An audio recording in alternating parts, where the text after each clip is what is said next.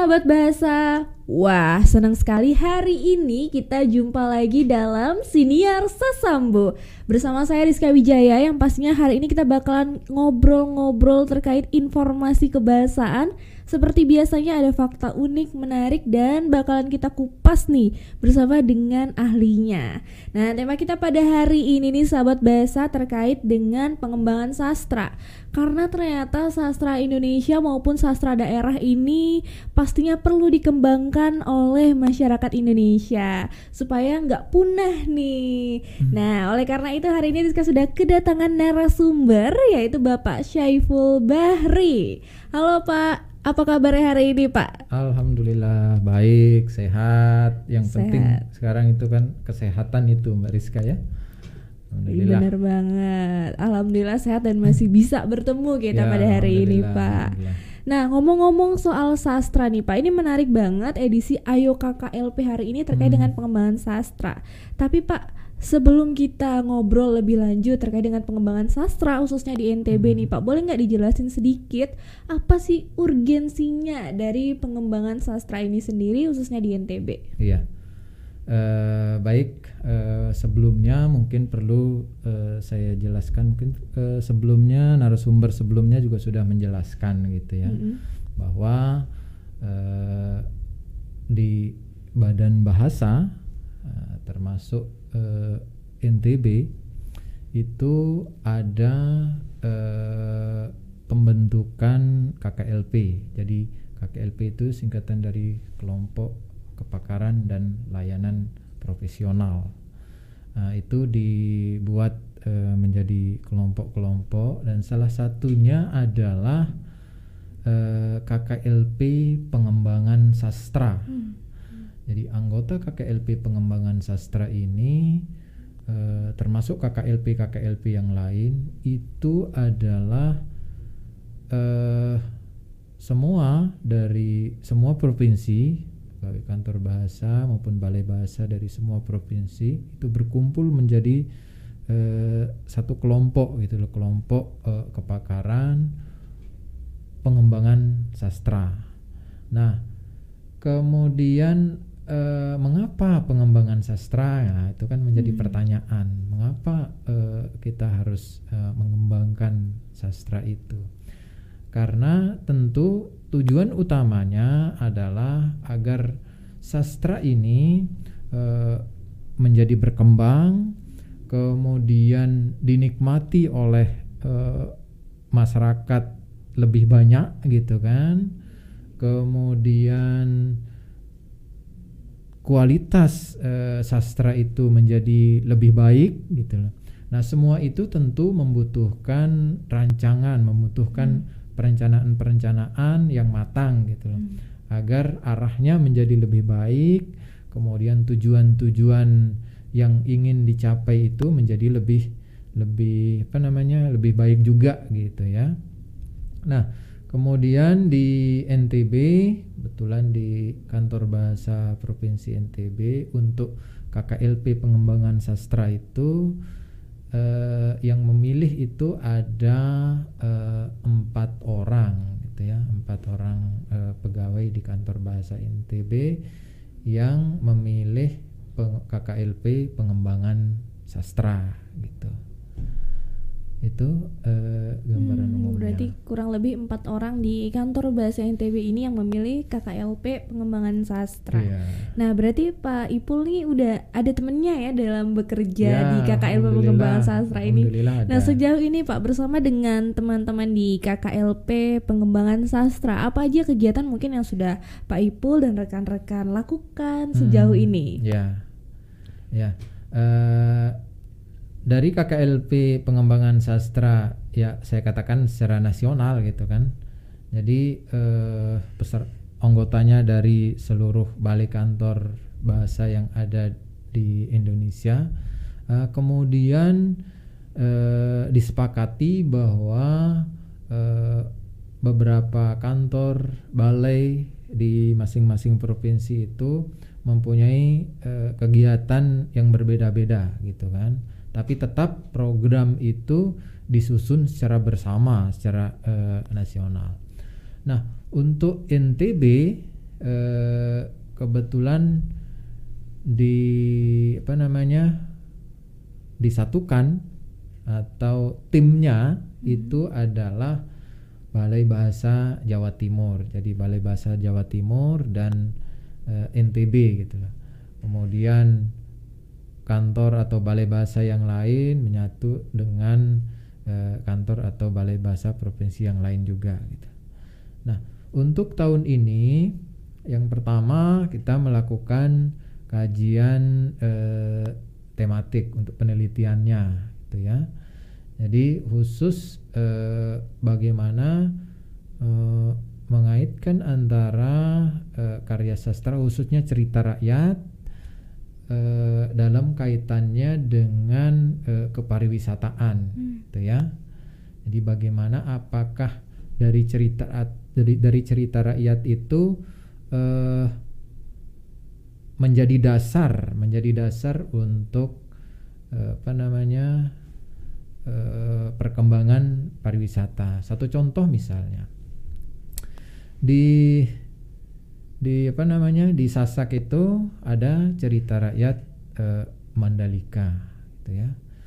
Kemudian eh, dari cerita rakyat Mandalika itu kemudian muncullah misalnya ada tradisi bau nyali.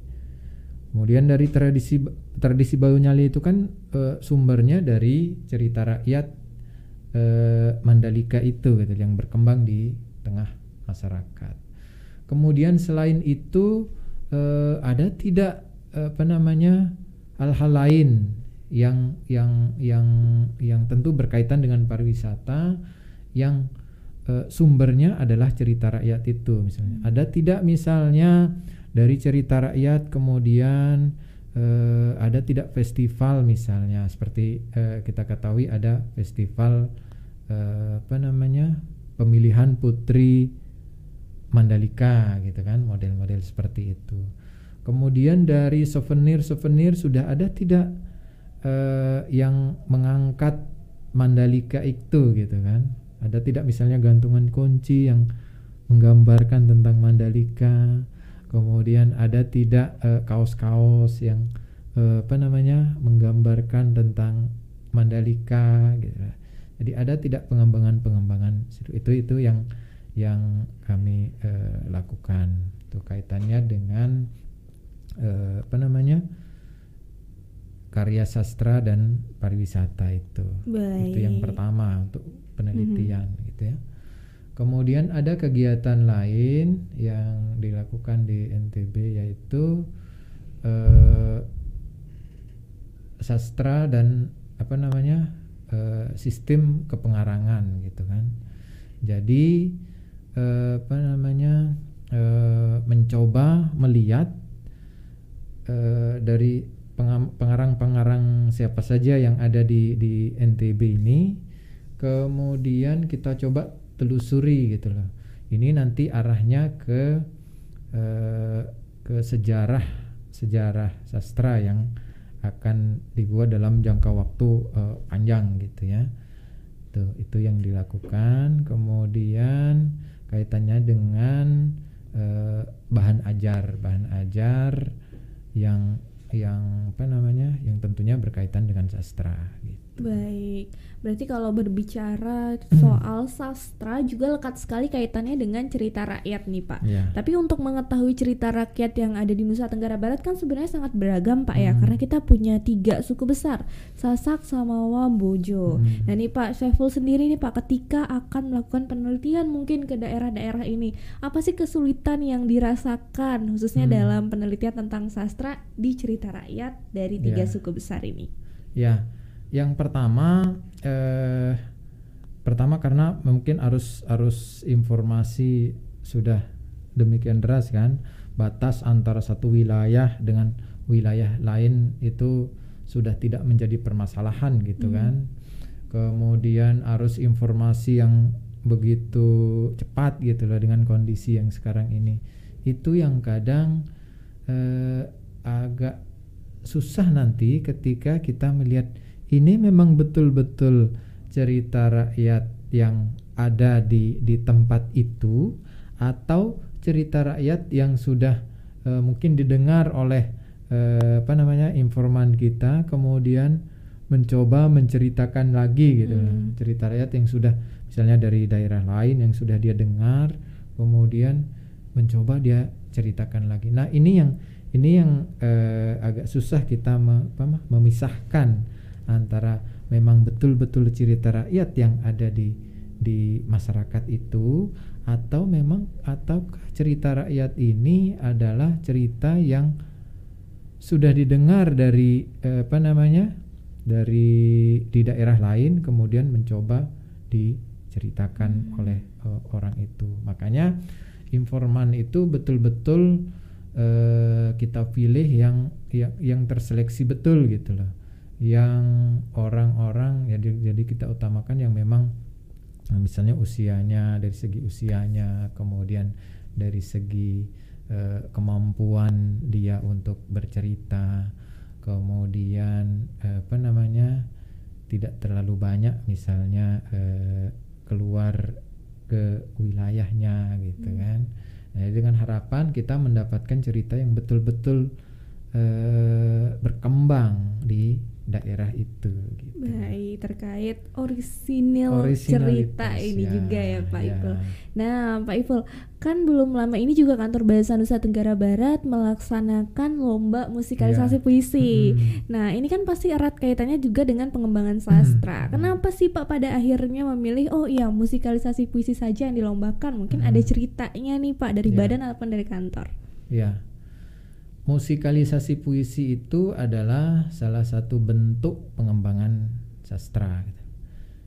Jadi dialihwahanakan e, dari puisi, puisi e, sendiri, kemudian mencoba e, dialihwahanakan menjadi e, apa?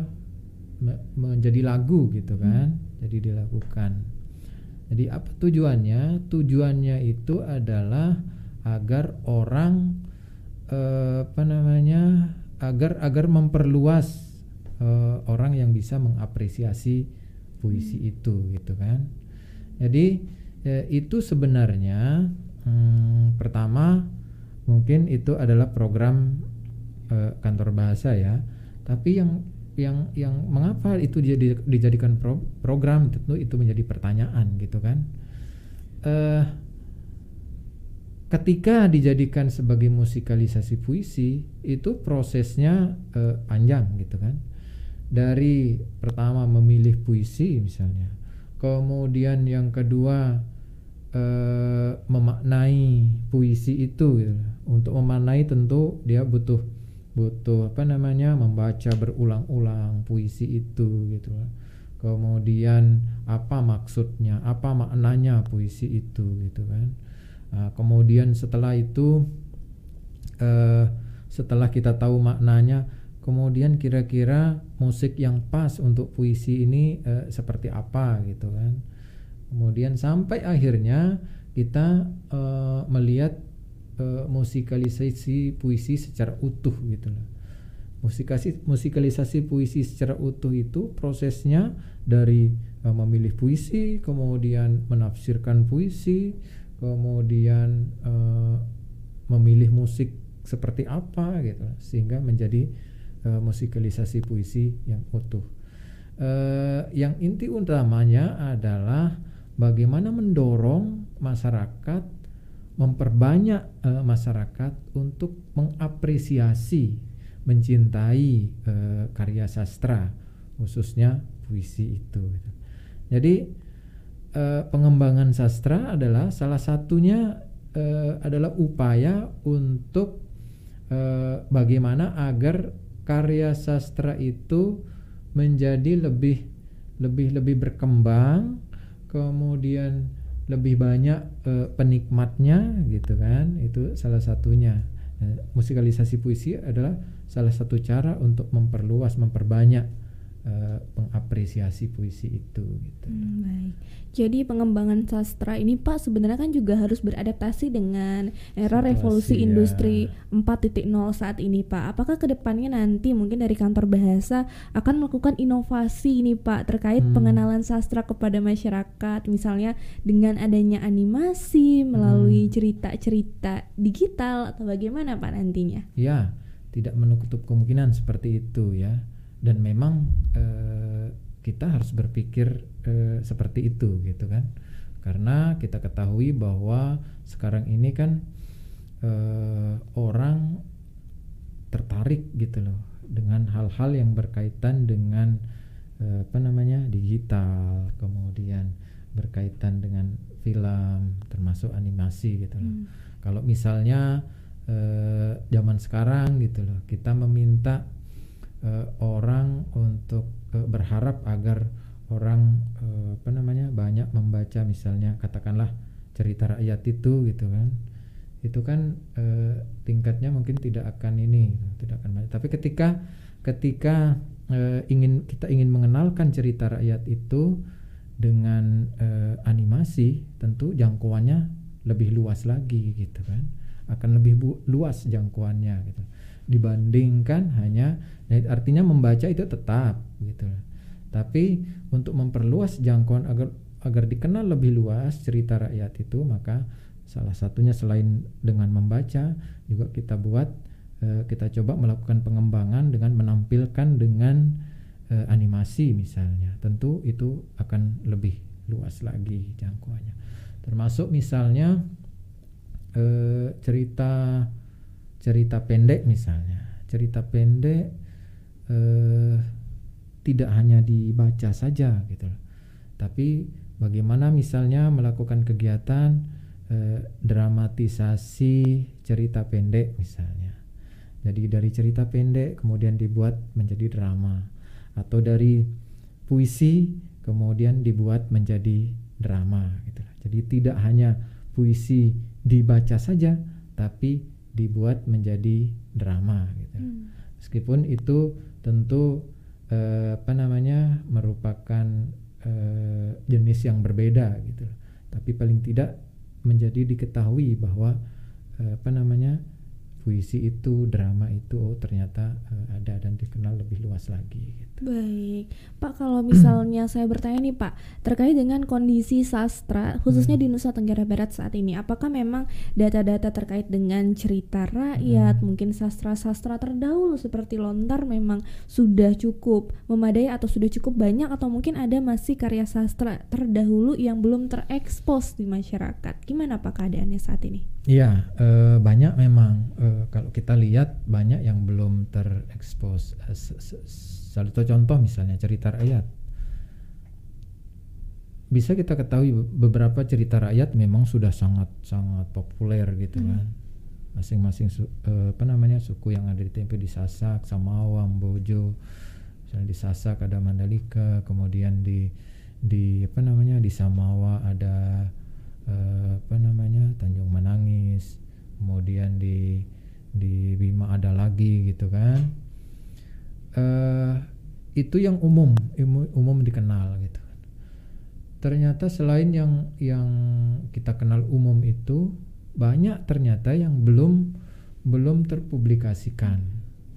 Belum eh, apa namanya belum dikenal luas di tengah masyarakat gitu ya. Apalagi eh, dengan kondisi sekarang agak eh, jarang kita temukan orang misalnya ketika eh, anaknya tidur dulu kan Hmm. anaknya tidur kemudian diceritakan cerita cerita rakyat itu gitu. Itu sebagai eh, apa namanya hiburan menjelang tidur gitu. Nah sekarang kan tidak. Sudah sudah berpindah gitu kan sudah berubah jadi tidur HP dipegang gitu kan itu sebagai ini gitu. Nah itu yang membuat eh, sebenarnya cerita-cerita yang lain itu banyak yang belum belum sempat terceritakan gitu Hmm. lah dan itu perlu eh, dilakukan eh, salah satunya adalah penulisan gitu kan. Karena kalau penulisan tentu jangkauannya lebih luas kemudian apa namanya masanya lebih panjang gitu. Kalau cerita secara lisan diturunkan eh, secara lisan pada satu orang gitu kemudian orang itu tidak menurunkan lagi ke uh, anaknya gitu kan berhenti sampai di hmm. sana gitu loh. Tapi ketika dibuat dalam bentuk tulis tentu jangkauannya lebih lebih lebih panjang dan banyak cerita-cerita rakyat itu yang memang belum ter terpublikasikan hmm. ya kita kita katakanlah belum terbukukan gitu. Baik. Baik, jadi memang banyak di antara suku Sasak, Samawa, Bojo yang mungkin ceritanya belum terangkat ya Pak ya. Nah, lalu Pak, bagaimana sih tanggapan Pak Saiful nih? Dari Pak Saiful sendiri melihat animo masyarakat terhadap keberadaan sastra dan eksistensi sastra daerah Nusa Tenggara Barat saat ini.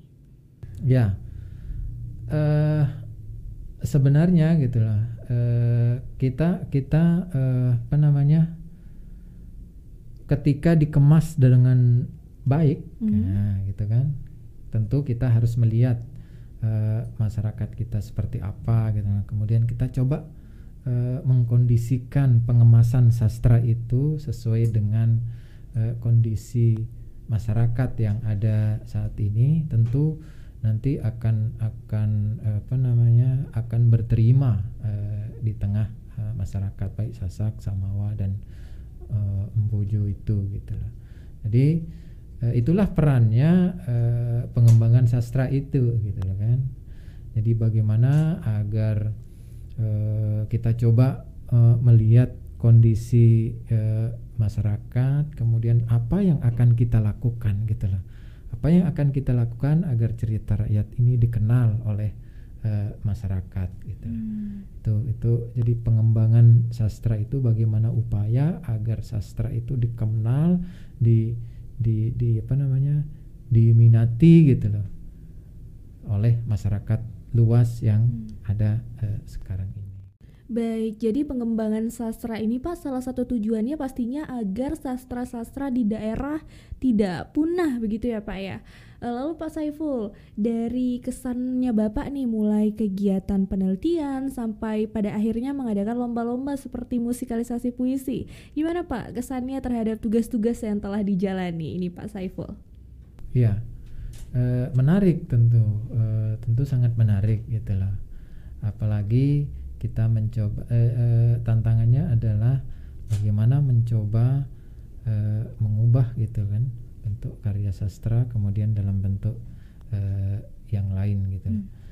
eh, tentu sangat sangat sangat menyenangkan gitu selain kita mencoba uh, mengapresiasi karya sastra kemudian kita juga bertemu dengan banyak uh, orang gitu kan masyarakat, kemudian masyarakat secara umum, kemudian eh, masyarakat pendidikan, sekolah, guru gitu kan bertemu di sana kegiatan-kegiatan itu karena mau tidak mau berkaitan dengan pengembangan sastra maka eh, itu semua eh, berkaitan langsung dengan eh, masyarakat gitu lah. Bahwa sebenarnya pengembangan sastra itu adalah Eh, menghasilkan sebuah uh, produk gitu produk produk yang bisa dihasilkan gitu baik jadi memang ternyata banyak sekali yang sudah Pak Ipu lakukan bersama dengan rekan-rekan untuk pengembangan sastra khususnya di daerah NTB hmm. kalau harapan yang ingin segera dicapai Pak dalam hmm. waktu dekat berkaitan hmm. dengan pengembangan sastra dari Pak Saiful dan rekan-rekan seperti apa saat ini Pak uh, dalam waktu dekat ini kami uh, me memimpikan gitu kan me membayangkan bahwa uh, di NTB kemudian kita mengenal kita tahu bahwa misalnya perkembangan sastra di NTB terutama misalnya untuk sastra apa sastra Indonesia hmm. misalnya sastra dalam bentuk novel kemudian dalam bentuk cerpen gitu. Jadi kita tahu uh, perkembangannya dari awal kemudian siapa sastrawan uh, di NTB dari awal sampai uh, akhir gitu kan. Sampai sekarang ini bukan sampai akhir ya. Sampai uh, sekarang ini dari dari tahun berapa mulai muncul uh, apa namanya karya sastra itu dari tahun berapa, kemudian siapa pengarang-pengarangnya di tahun itu, kemudian uh, apa namanya tema-tema uh, apa yang diangkat di tahun-tahun awal, kemudian tahun uh, misalnya tahun 70-an, tahun 80-an, tema-tema apa gitu kan. Sampai yang yang terakhir uh, sekarang ini gitu. Jadi kami membayangkan seandainya itu bisa bisa apa namanya? terwujud gitu kan. Jadi uh, menjadi menjadi pedoman uh, apa namanya? bahwa di NTB itu bahwa ada apa namanya sejarah sejarah perkembangan uh, sastranya seperti apa gitu itu menjadi bahan bahan apa namanya bahan pelajaran bahan uh, apa namanya bahan rujukan tentu bagi hmm. orang-orang hmm. yang ingin melihat bagaimana uh, perkembangan sastra di NTB gitu. Baik. Pak Saiful selain akan bekerja sama atau sudah mungkin bekerja sama dengan sastrawan-sastrawan nih untuk mengetahui hmm. sastra-sastra apa saja sih yang ada di daerah Nusa Tenggara Barat saat ini. Apakah ada keinginan nih Pak dari Pak Saiful hmm. untuk nantinya mengajak mitra atau uh, lembaga apa gitu hmm. Pak untuk bekerja sama memperkenalkan sastra sastra daerah kita kepada masyarakat? Gimana Pak? Iya, tentunya uh, tidak bisa kantor bahasa tidak bisa bekerja sendiri gitu. Dia harus uh, uh, apa namanya menggandeng dia harus bermitra dengan semua pihak baik itu uh, masyarakat dalam hal ini sastrawan kemudian lembaga-lembaga misalnya dengan uh, dinas pendidikan atau uh, dengan komunitas misalnya komunitas-komunitas bahasa komunitas sastra yang ada di masyarakat yang berkembang di masyarakat. Dan itu harus harus uh, apa namanya harus uh, digandeng. Dan kita memang harus bekerja, sama gitu. Tidak bisa uh, kita mengembangkan mengembangkan mengembangkan sastra kemudian uh, bekerja sendiri. Itu merupakan hal yang mustahil gitu. Kita membutuhkan e, lembaga atau orang lain atau masyarakat untuk e, ikut serta dalam pengembangan sastra itu. Kalau hanya kantor bahasa kan terbatas, hmm. terbatas. Dan itu kita harus bekerja bersama-sama. Baik, jadi terbuka nih untuk mungkin sahabat bahasa yang mau diskusi terkait dengan sastra boleh ya Pak ya untuk menghubungi sangat kantor boleh, bahasa. Sangat boleh Baik, jadi ini terbuka untuk sahabat bahasa mau diskusi tentang sastra, cerita rakyat atau bahkan puisi dengan kantor bahasa supaya membuka wawasan. Silakan datang ke kantor bahasa. Seperti yeah, itu ya, Pak ya. Yeah, yeah. Pak Saiful tidak terasa nih sudah hampir 30 menit lebih kita ngobrol dan yeah. udah rasanya nggak cukup nih waktunya Pak terasa untuk ya? melanjutkan ya? lagi materi-materinya hari ini. Boleh dong Pak Saiful kasih pesan-pesan atau ajakan mungkin kepada hmm. sahabat bahasa untuk bersama-sama melestarikan sastra yang ada yeah. di ya. daerah kita. Uh, baik uh, sahabat bahasa, tentunya mari kita bersama-sama untuk uh, mengembangkan sastra, meningkatkan apresiasi masyarakat uh, terhadap uh, sastra, dan itu bisa kita lakukan dengan uh, berbagai cara sesuai dengan uh, apa namanya peran kita, sesuai dengan kemampuan kita masing-masing. Jadi ya, itu bisa dilakukan dan seperti tadi dikatakan bahwa kantor bahasa tidak bisa melakukan itu sendiri. Eh, peran eh, komunitas sastra yang terus bergerak tentu itu sangat di sangat di apa namanya dibutuhkan dan kami sangat mengapresiasi sekali eh, apa namanya teman-teman yang bergerak itu gitu kan. Dan eh, tentunya kita harus bersama-sama uh, untuk apa namanya uh, melakukan pengembangan sastra gitu. Baik, terima kasih ya Pak hmm. Saiful udah membagi informasi, kemudian juga membuka wawasan saya di sini termasuk juga sahabat bahasa yang sedang menonton ini dari mana aja nih iya. Pak Saiful. Terima kasih ya Pak Saiful, jangan bosan-bosan untuk datang ke studionya iya. Siniar Sasambo. Terima kasih, Semoga sehat selalu ya Pak Saiful ya. Iya. Oke sahabat bahasa itu tadi perbincangan terkait dengan Ayo KKLP edisi pengembangan sastra. Wah ternyata ada banyak cara untuk berkontribusi dengan daerah Salah satunya dengan melestarikan sastra daerah kita Terutama nih untuk sahabat bahasa yang ada di Nusa Tenggara Barat. Sampai di sini dulu perjumpaan kita dalam Siniar Sasambo edisi kali ini. Saya pamit undur diri, sampai jumpa Nah, sahabat bahasa, itu tadi tayangan Senior Sasambo edisi kali ini. Gimana? Seru kan? Nah, maka dari itu sahabat bahasa jangan lupa untuk berlangganan kanal YouTube Kantor Bahasa Nusa Tenggara Barat. Sukai video yang kamu pilih, berikan komentar dan nyalakan lonceng pemberitahuan supaya kamu tidak ketinggalan video-video terbaru dari Kantor Bahasa Nusa Tenggara Barat. Tadi video-video yang kamu saksikan juga kamu dengarkan dan saksikan melalui SoundCloud dan Spotify Siniar Sasambo. Jangan sampai terlewat ya. Dah.